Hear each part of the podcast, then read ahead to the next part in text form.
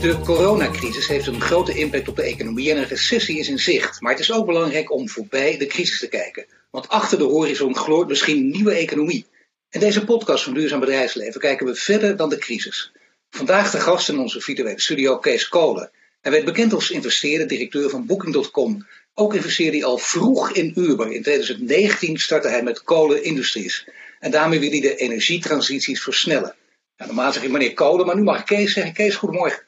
Welkom. Goedemorgen, Paul. Ja, uh, hoe, hoe, gaat het? Uh, hoe gaat het met je persoonlijk? Hè? Wat we nu aan iedereen in deze tijd uh, welgemeend vragen. Ja, gelukkig ben ik nog niet ziek geweest en hoop ik ook niet te worden. dat geldt ook voor mijn familie, dus wij zijn gelukkig.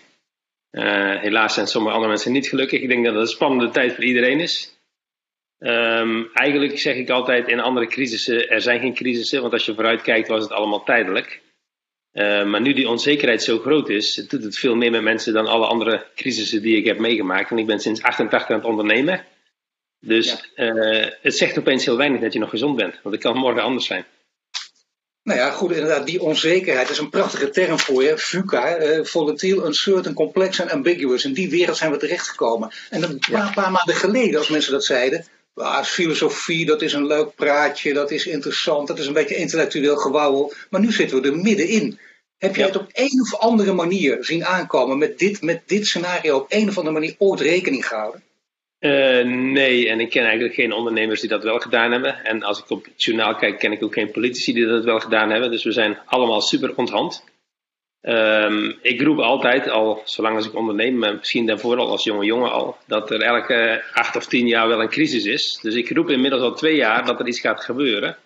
Uh, en al twee jaar voel ik me onzeker van wat gaat er dan gebeuren, omdat het al twaalf jaar geleden is dus sinds de financiële crisis. En wat ik geleerd heb is dat elke crisis een naam heeft, maar dat het eigenlijk niet zozeer om die naam gaat, maar het feit dat er gewoon elke decennium een keer een crisis is. Ga maar terug in de tijd, dan zie je dat vanzelf.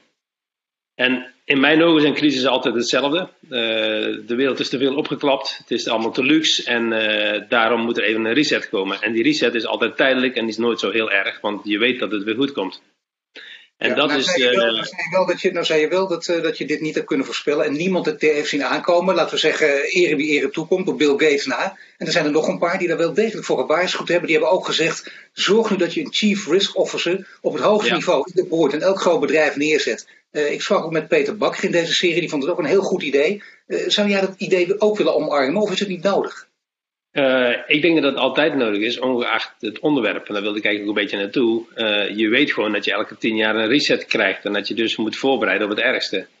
Maar dit is veel erger als wat wij ooit hebben gezien en meegemaakt. Dus niemand, misschien mijn opa die in 65 gestorven is, had, en, en, iedereen heeft zo iemand, die heeft dat meegemaakt begin jaren 1900. Um, maar als je daarop terugkijkt, dan hadden we in Amerika de werkloosheid na drie jaar, die ze nu na drie weken hebben. Dus ook nu is het weer veel heftiger. En er zijn natuurlijk talloze theorieën hoe dit moet gaan gebeuren. Maar feit is dat we allemaal in een onzekere situatie zitten en dat je nu echt actie moet ondernemen. En de goede ondernemers zijn nu heel erg druk. En de mindere ondernemers die laten het gelaten over zich heen komen. En ik denk dat je echt moet doen wat je kunt doen om hier zo goed mogelijk doorheen te komen. En dat je niet bij de pakken moet gaan neerzetten. Ja, Want over vijf jaar is er een crisis. Dat nou aan kunnen als ondernemer. Ik bedoel, er zijn met name veel MKB'ers die, en veel mensen zeggen, ja nou, dat krijg je in deze tijd. Daar, daar wordt, daar wordt een keiharde uitspraak over gedaan. Moet je daar hard over zijn? Of moet je eerst kosten wat kost, wat de regering ook doet, iedereen steunen? Um, ik, ik vind dat een hele moeilijke vraag. Ik denk dat je als. Ik vertel altijd in, in crisissen, en ik heb ook veel training gedaan in de offshore. Ik niet zelf, maar een vriend van mij heeft een heel groot offshore trainingcentrum ooit opgebouwd. heeft hij verkocht tien jaar geleden was een jongen waar ik mee op de HAVO zat. En uh, ik heb hem veel geholpen daarmee, uh, uh, omdat er gewoon mankracht nodig was. maar na, na enige tijd is er geen crisis. en is alles normaal en goed voor iedereen. Alleen als jij een bedrijf bent en je wil onderdeel van een nieuwe toekomst uitmaken, dan moet je wel deze crisistijd overleven. En iedereen heeft een beperkte uh, rekstok van hoe ver het reikt uh, van het geld wat je hebt en wat je kunt overleven. Dus je, je zult maatregelen moeten nemen in mijn ogen om gewoon de crisis te overleven. Nou, onze overheid helpt ons met de NOE-regeling een beetje. Maar voor veel bedrijven is dat niet genoeg. Voor anderen is het meer dan genoeg. Dus dat is ook wel heel uh, individueel. maar ik denk dat je als ondernemer de verantwoordelijkheid hebt om te overleven. En hoe hard of lomp het ook klinkt, misschien is het beter om met 10 man te overleven dan met 15 uh, als je met 15 te veel risico gaat nemen. Maar feit is dat we allemaal uh, water bij de wijn moeten gaan doen deze tijd. En dat nou, de uitkomst tijdelijk niet leuk is. Nee, nou laten we er één bedrijf bijpakken, want anders is het, uh, staat er een olifant in de Kamer die niet besproken gaat worden. Kijk, uh, jij kijkt vooruit natuurlijk, hè, maar in het verleden, niet voor niks. Overal, alles wat je over jou opstaat, miste boeking. En misschien word je er zelf helemaal gek van, maar dat heb je ooit groot gemaakt, dat bedrijf, en verkocht. Je hebt er nu niets meer mee te maken. Maar je ziet nu enorme kritiek op boekingen. Want kijk eens even, dat zijn die gasten die miljarden hebben verdiend, die heel veel belastingvoordelen hebben gekregen. Die maken ook gebruik van de regeling. Met name MKB'ers zijn daar heel erg boos over. Ehm, het kan ook tot reputatieschade leiden. Aan de andere kant, het macht is legaal, maar dan zeggen die MKB'ers van ja, eh, kijk maar naar Coat en vroeger. Legaal is twee keer zo brutaal. Wat vind jij van al de kritiek die Booking over zich heen kreeg? Uh, ik vind het heel moeilijk om daar iets zinnigs over te zeggen. Ik ben uh, negen jaar geleden weggegaan als CEO en, en zes jaar geleden als, als voorzitter raad van bestuur. De mensen na mij, is inmiddels de derde CEO, die werken anders dan ik gewerkt heb in die tijd ik ben net als sommige andere mensen waar we het net over hadden, een ondernemer die zelf dingen opbouwt en, en groot ziet te maken uh, en op mijn manier omgaan met de situatie. De nieuwe mensen hebben het anders gedaan, uh, maar ik denk ook daar hebben zij nooit zien aankomen dat dit kon gebeuren. We hebben met Booking best veel crisissen meegemaakt. Uh, ik ben door de SARS gegaan, ik ben door 9-11 gegaan, door de financiële crisis, de S-Cloud. Maar eigenlijk al die crisissen die waren een paar weken. En na, na vier of vijf of zes weken was alles weer normaal. Uh, en onze omzet in het slechtste geval viel die 10% terug. En wij zagen altijd dat als je de juiste dingen doet uh, op een moment van een crisis, dat je daar vanzelf wel doorheen komt op de goede manier. Maar nu, als 85% van je omzet stopt, ja, dan, dan weet je het niet meer natuurlijk. Dan, dan, dan geldt er geen enkele regel meer die ooit gegolden heeft. En ik denk dat, dat ja, ik vind het erg moeilijk om dat over te zeggen, omdat ik niet meer verantwoordelijk voor ben en het anders gedaan zou hebben, maar ik ga daar niet op in. Uh, maar ik denk dat als je er van een grote afstand naar kijkt, ook de mensen die uh, op de beurs beleggen, die dus dat ze de bedrijven beoordelen hoe ze presteren, dan hebben zij wel gedaan wat je uh, kunt verwachten van zo'n bedrijf om te doen tot de coronacrisis begon. En, ik snap wel dat je, dat je, je begrijpt het. Hè? Dus en nu, nu op, op, toch zou zeggen wat je, wat je wel gedaan zou hebben, ook al is het inderdaad, daar heb je gelijk, een totaal andere unieke situatie, maar niet voor niets. Kritiek van MKB over je reputatiesschade, denk aan alles tegelijk. En iemand als Kees Kolen denkt toch zeker terug aan een tijd waarin hij daar had gestaan. Wat had hij toen zelf gedaan? Had jij gedacht, laat het maar even uh, aan ons voorbij gaan en we maken een mooi gebaar, maar we maken wel kenbaar dat we dit gebaar maken, maar we gaan geen steun aanvragen? Um, ik denk als ik terugkijk naar, naar mijn boekingtijd, naar onze boekingtijd, dan hebben wij altijd gedaan uh, wat goed was voor de consument. En Booking is groot geworden in een tijd dat hotels uh, op hun manier omgingen met consumenten en dat de consumenten iets anders wilden. Uh, dus het heeft voorzien in een enorme behoefte van mensen. als je vroeger naar een ging, dan ging je naar een kantoortje ergens in de stad. En dan zat iemand achter een computer die had allerlei codes die je heel je leven niet ging begrijpen als je daar niet ging werken. en die legde jou allerlei dingen voor. En daar kwam een reisje uit dat die mensen dachten dat het goed voor jou was. Dus je eigen keuze was heel beperkt. Dat is dankzij het internet, waarvan Booking een van de vele spelers is geworden, is dat compleet veranderd en is de, de macht aan de consument gekomen. Nu zie je opeens dat heel veel, en, en, ik, kan de andere, ik kan de andere zijde innemen en ik weet dat veel hotelondernemers daar niet blij mee zijn. Maar Booking stelt zich achter de consument. En wij hebben in de, in de, de vulkaanuitbarsting in IJsland hetzelfde meegemaakt uh, hotels, maar de reisindustrie in het algemeen, de grote bedrijven, gingen misbruik maken van het feit dat er een vulkaanuitbarsting was en dat consumenten niet meer konden reizen. En als jij gevangen was in de stad, dan moest je opeens heel veel meer gaan betalen. Wij hebben als Booking ons daar toen enorm hard voor gemaakt dat je als bedrijfsleven consumenten niet dusdanig kunt behandelen.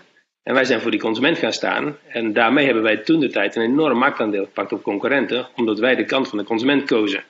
Dat was toen een goede keuze.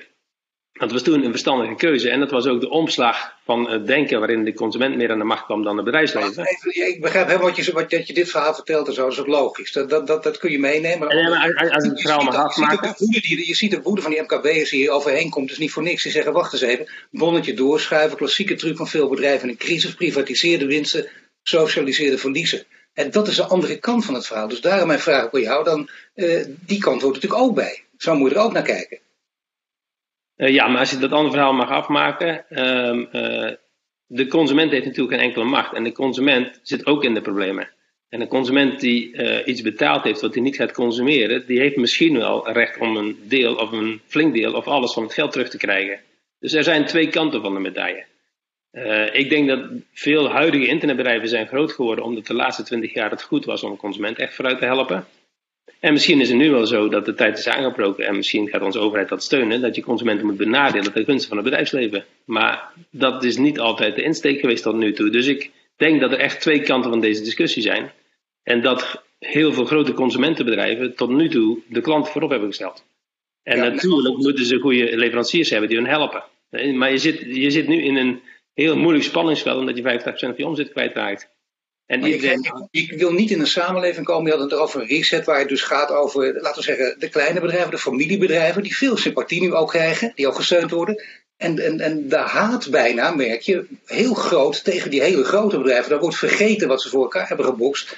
Dan gaat die, die strijd tussen beiden heel erg komen. Dus je zou bijna zeggen, uh, pak dat eens wat slimmer aan op communicatief gebied met name. Als je bijvoorbeeld een boeking ja. vind je dat ook niet? Ik, ik denk dat, dat communicatie, ik heb zelf altijd een a wat ik gebruik uh, met allerlei basisregels voor, uh, voor door een crisistijd gaan. Uh, stap 1 is natuurlijk dat je leiderschap moet tonen, maar het allerbelangrijkste in alle situaties is dat je heel veel communiceert en jezelf niet onttrekt aan de communicatie. en ik denk dat omdat zoveel mensen overvallen zijn nu door wat er echt gebeurt, dat een magnitude groter is dan alles wat voorheen is gebeurd, dat heel veel mensen overrompeld zijn en vergeten zijn om juist te communiceren. Of misschien niet voldoende gecommuniceerd hebben, want communicatie lost heel veel op. Uh, we, zijn, we, zijn, nu een paar dagen verder. Wat, wat, zou een mooie boodschap zijn? Gewoon zeggen, nou jongens, wij doen dit niet. We, we, we, laten dit geld gewoon liggen. We maken geen gebruik van de regeling. Of moet je zeggen, we maken er gebruik van om deze en deze reden? Um, ik denk dat je goed moet communiceren. Ik denk dat je altijd moet uitleggen waarom je zaken doet. Zeker als je groot bent, heb je verantwoording af te leggen. Uh, ik denk ook dat je als je bestuurder van een bedrijf bent en je moet zo'n bedrijf redden, dat je, dat, dat je je werk niet goed doet als je geen gebruik maakt van regelingen die er zijn voor iedereen. Uh, dus ik denk dat, dat je ook kunt zeggen dat de mensen die de kritiek op hebben, dat die heel egoïstisch zijn en alles voor zichzelf willen houden. Ik denk dat de regelingen juist bedoeld zijn om de wereld in stand te houden. En te zorgen dat we binnen niet al te lange termijn terug kunnen naar een wereld die weer was zoals die was. En de overheden in de wereld zijn bereid gebleken nu om heel veel geld, honderden miljarden, triljoenen uit te geven om te zorgen dat we even twee, drie maanden kunnen overbruggen met z'n allen. En dan denk ik niet dat we elkaar moeten gaan beschuldigen van wie dat geld is. Dan denk ik dat we moeten zorgen met z'n allen dat we rustig blijven, dat we elkaar helpen. En dat we zorgen dat we over drie, vier maanden weer in een normale wereld zitten. Alhoewel dat, dat niet zo makkelijk zal zijn. Ja, precies, want de normale wereld kunnen we het zo nog even over hebben. Maar nogmaals, we hebben het nu over een, verleden van jou. Je bent uh, sterk gericht op de toekomst. Want je zegt, kijk vier, vijf jaar vooruit. Met een beetje geluk zijn uit een crisis. Dat moet je doen. Uh, je bent uh, veel aan het investeren. Uh, hoe gaat het nu met je investeringen in brede zin? super wisselend. Ik heb bedrijven die 100% stil liggen sinds anderhalf maand. En ik heb bedrijven die in factor 6 groeien. het is super wisselend. ik zit nog steeds in een aantal reisbedrijven. Niet in Boek en Uber, maar wel in andere. Die het extreem goed deden. totdat de corona begon. Die het dus nu extreem slecht doen. En ik zit in bedrijven die zitten in, uh, in, in, beveiliging, die zitten in thuisbezorging, die zitten in, in online educatie. Ja. die kunnen het werk niet aan en die weten van gek ga je niet doen. Dus de mensen van straat kunnen krijgen en opgeleid kunnen krijgen om voor hun te werken. Dus er is een heel wisselend beeld. En die mensen... zijn start-ups waar je in zit? Uh, het zijn start-ups, maar uh, ik heb een bedrijf in Brazilië, dat heet Hotmart. we hebben net een, een van de marktleiders in Amerika overgenomen voor online educatie, Teachable.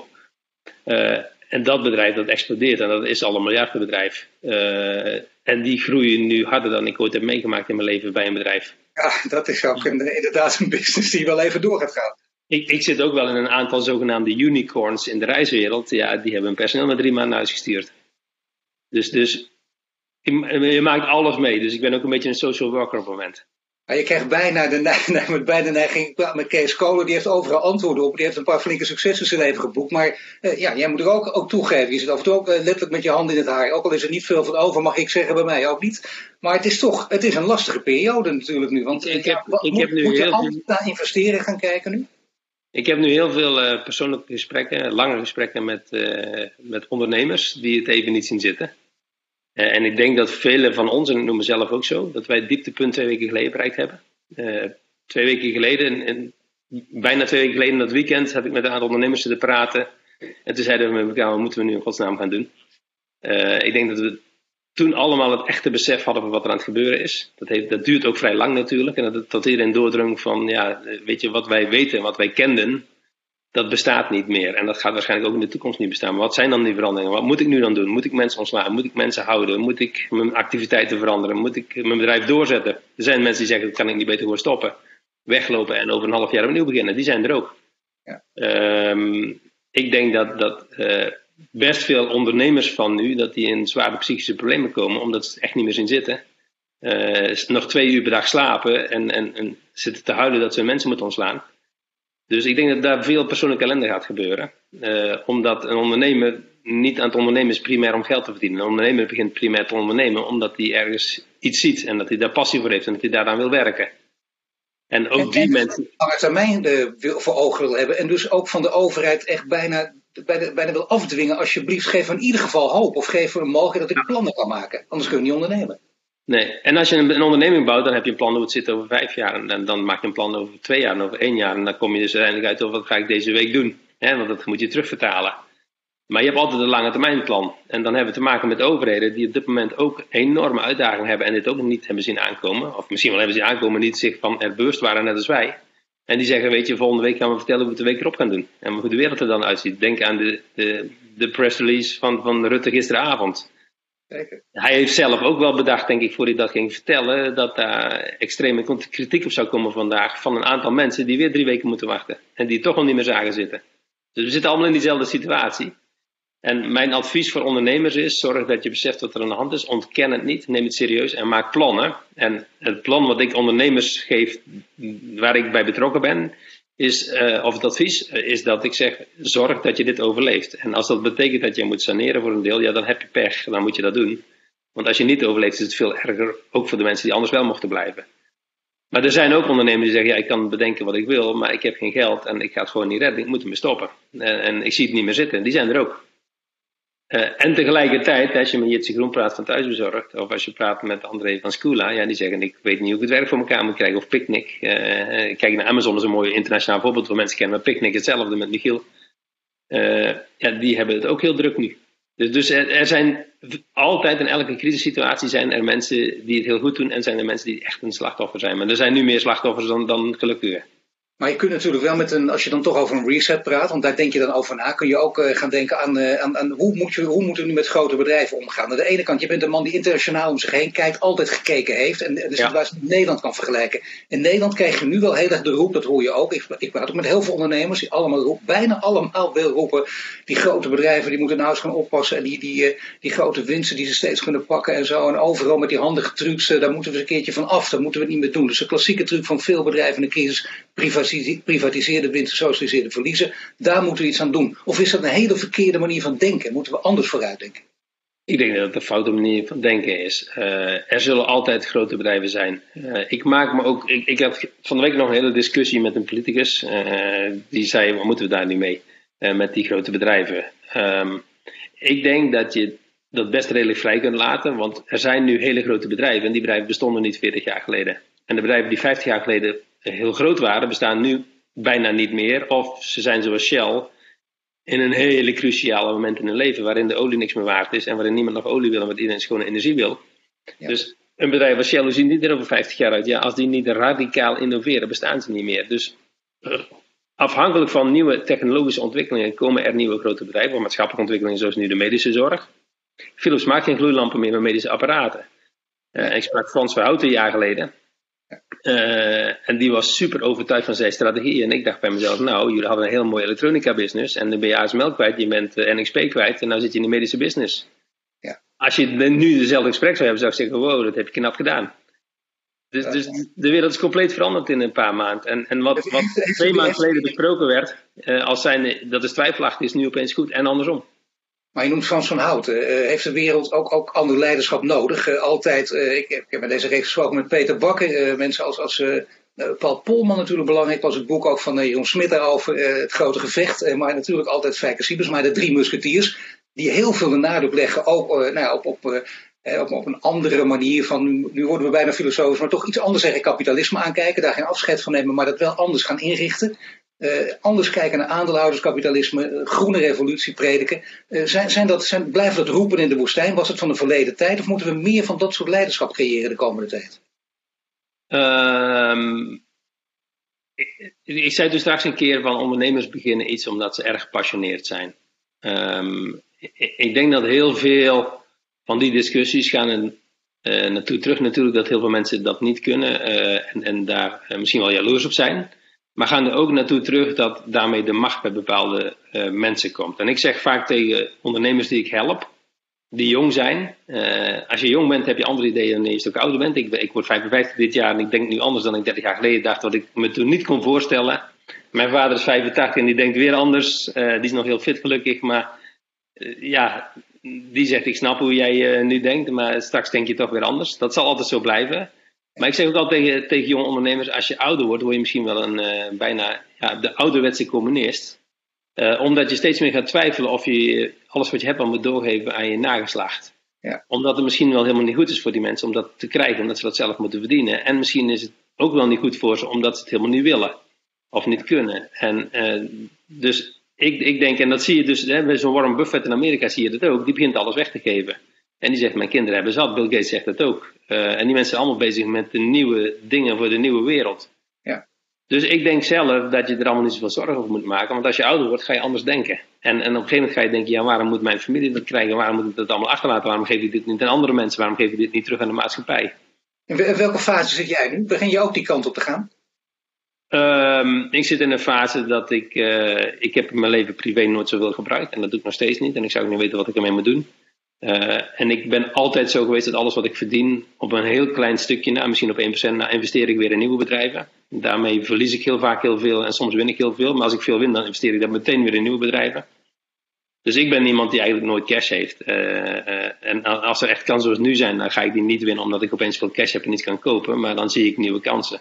En ik vind het geweldig om, om nieuwe jonge teams te helpen iets nieuws op te bouwen. En daar geniet ik veel meer van dan het geld wat dan op mijn bank komt. Daar kijk ik nauwelijks naar. Maar dus ik denk dat heel veel van die discussies die zijn dat mensen opeens denken, als je wel met dat geld mag omgaan en wel dat geld hebt, dan kom je in een andere wereld terecht. Maar ik denk dat dat voor de meeste ondernemers helemaal niet is. Ik kan nog steeds tot s'nachts drie uur met een jong iemand uh, zitten te discussiëren over een nieuw plan en hoe je dat moet doen en waar, waar je tegenaan loopt en hoe je dat groot maakt. Ja. En dan ben ik s'morgens net zo moe als dat ik vroeger was.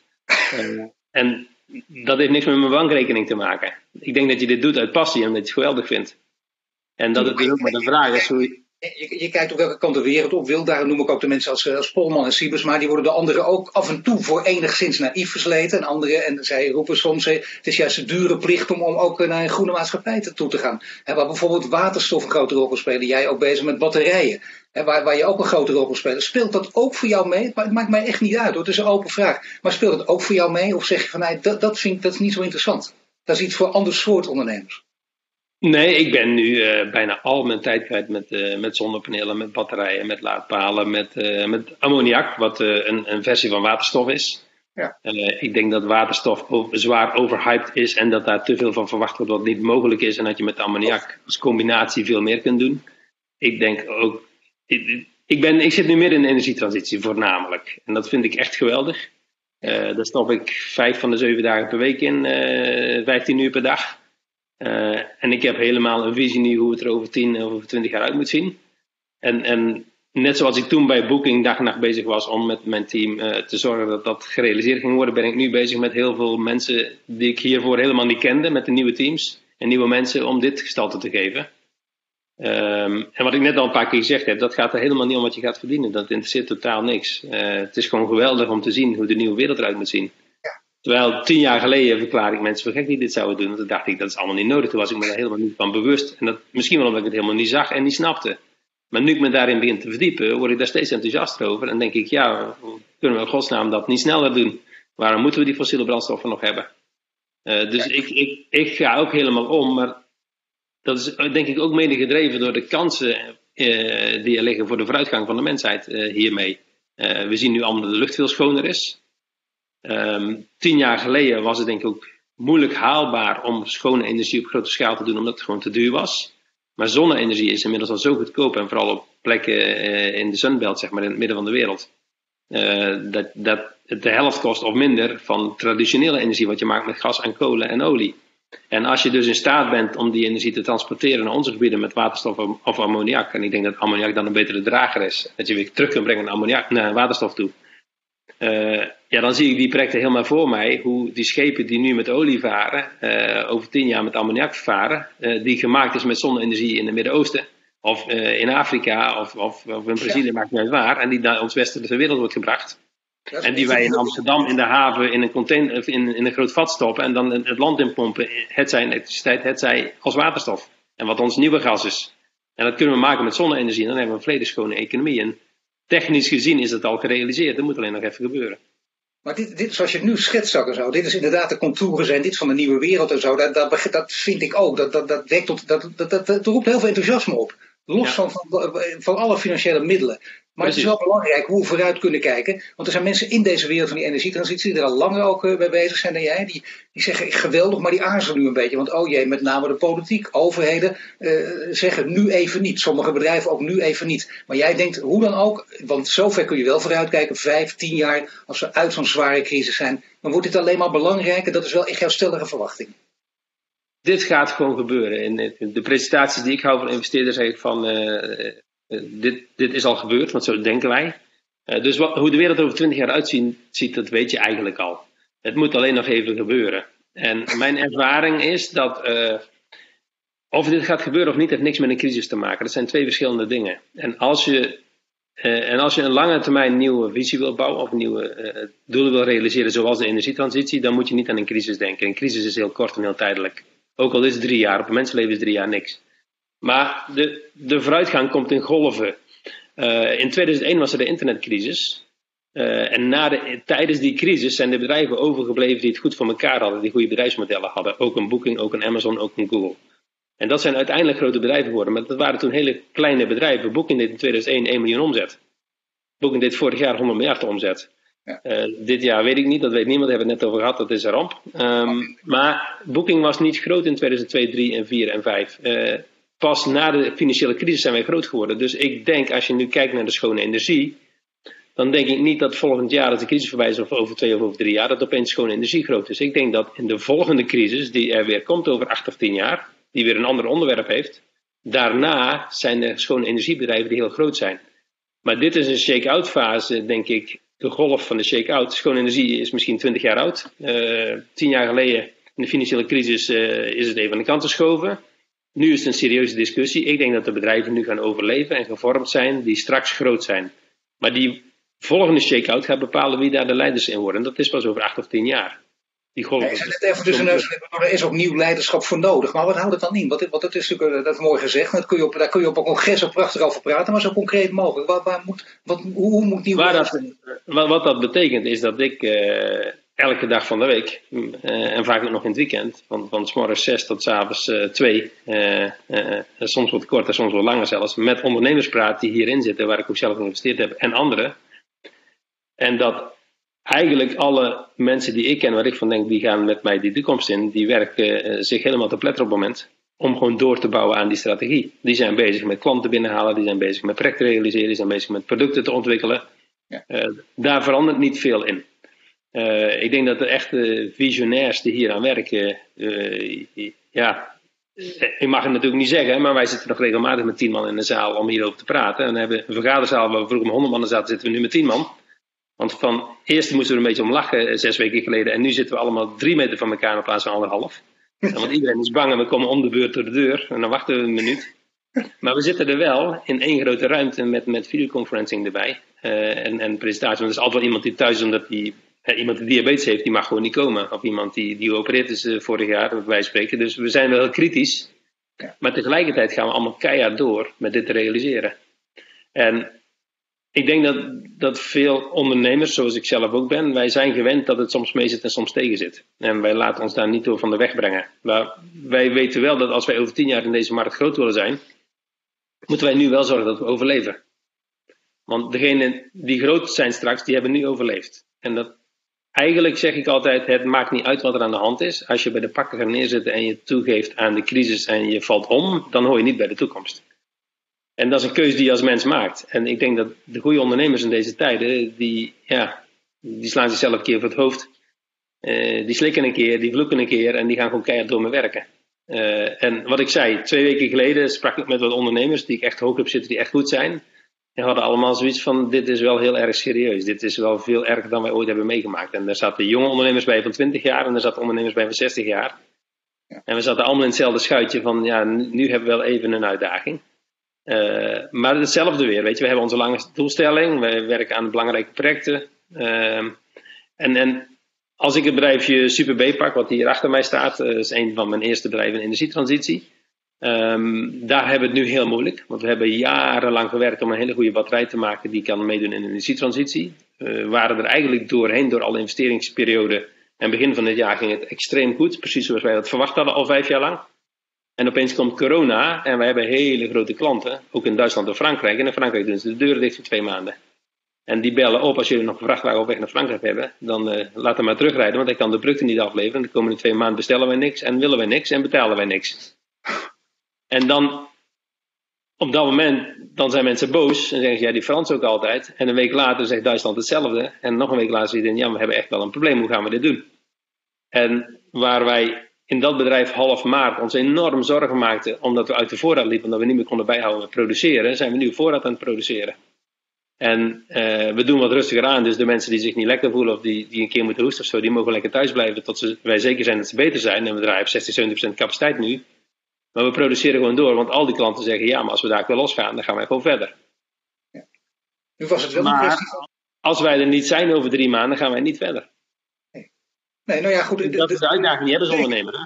Nee, maar dat, dat is ondernemen altijd. En dat, is een heel goed verhaal ook steeds. Want het is eigenlijk heel raar hè, van successen steeds uh, groter, groter, groter. Nee, juist uh, heel groot, dan mislukken, groot mislukken en gewoon veerkrachtig, veerkrachtig blijven. Dat hoor ik van elke ja. ondernemer. Ik ken die verhalen ook natuurlijk. Heel erg belangrijk. Alleen, ik merk wel één dingetje. Jij roept het in alle verhalen en dat blijft ook een rode draad, dat hard werken. En ik wil even ja. weten of dat een beetje voor de vorm is, voor de grap. Maar dat twee uur, want ik ken namelijk iemand, een collega van mij, die slaapt vijf uur per nacht, inclusief de weekenden. Daar ben ik altijd een beetje jaloers op. En die blijft ook net zo wakker als jij nu. Maar twee uur, is dat, is dat een grap? Ik bedoel, is dat, moeten we dat oprekken tot vier, vijf? Of is het echt twee uur? Uh, het, is, het is 15 jaar lang minder dan twee uur geweest. En het is nu meer dan twee uur nu ik wat ouder word. Maar ook omdat ik uh, uh, denk dat het misschien wel niet gezond is. maar ik slaap wel extreem weinig vergeleken met andere mensen. Ja. Ik heb nog nooit iemand meegemaakt die minder slaapt dan ik. En maar ik mag ik toch even weten, voor de record van hoe, hoe wat sta je nu op? vier uur ongeveer, vijf uur? Nee, want ik ga meestal pas om twee, drie, vier uur naar bed. en ik sta altijd om een uur of zes, half zeven op. jongen, jongen. Ja. Voor de duidelijkheid, het is een periode van, van een reset. Je kijkt er blijmoedig tegenaan, zo te zien. Uh, en uh, de mensen die denken, wacht even, zit ik nou met Sophie Kolen te praten? Betekent de reset dat, uh, dat, dat, dat Kees zichzelf transformeert tot vrouw? Dat is niet, dat is niet waar, hè? Dat is groot nee, ik, zit op de, ik zit op de laptop van mijn dochter, want ik moest met jou bellen met Blue Jeans. En vanmorgen, mijn laptop zei opeens dat hij een oude versie had. En ik had nog 10 minuten, dus ik had ook een klein beetje paniek. En gelukkig had mijn dochter net een nieuwe laptop zei, ik moet nu jouw laptop hebben. nou, de familie zit het goed. Hartelijk dank voor dit gesprek, uh, Kees Code. Je luisterde naar uh, de Crisiscast en keken naar van Duurzaam Bedrijfsleven. En een podcast over leiderschap in tijden van crisis is dit. We zijn binnenkort terug met een nieuwe Crisiscast. En later in het jaar dan hoor je Kees Kolen terug in onze Green Leaders podcast. Tot dan.